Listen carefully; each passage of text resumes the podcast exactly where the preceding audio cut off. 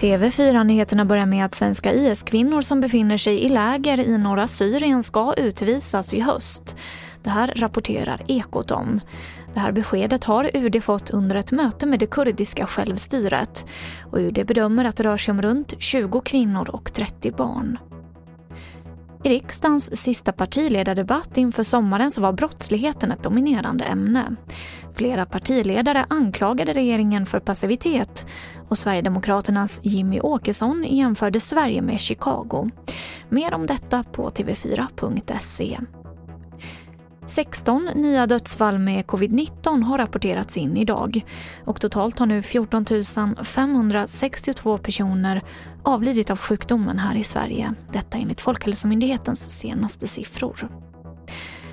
Och så kan jag berätta att forskare varnar för en havshöjning på över en meter de närmsta 100 åren om vi inte drastiskt börjar minska utsläppen av växthusgaser.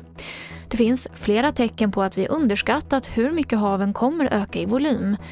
Det här säger Leif Andersson som är professor i marinkemi vid Göteborgs universitet till TT. Och det här var det senaste från TV4 Nyheterna. Jag heter Emily Olsson.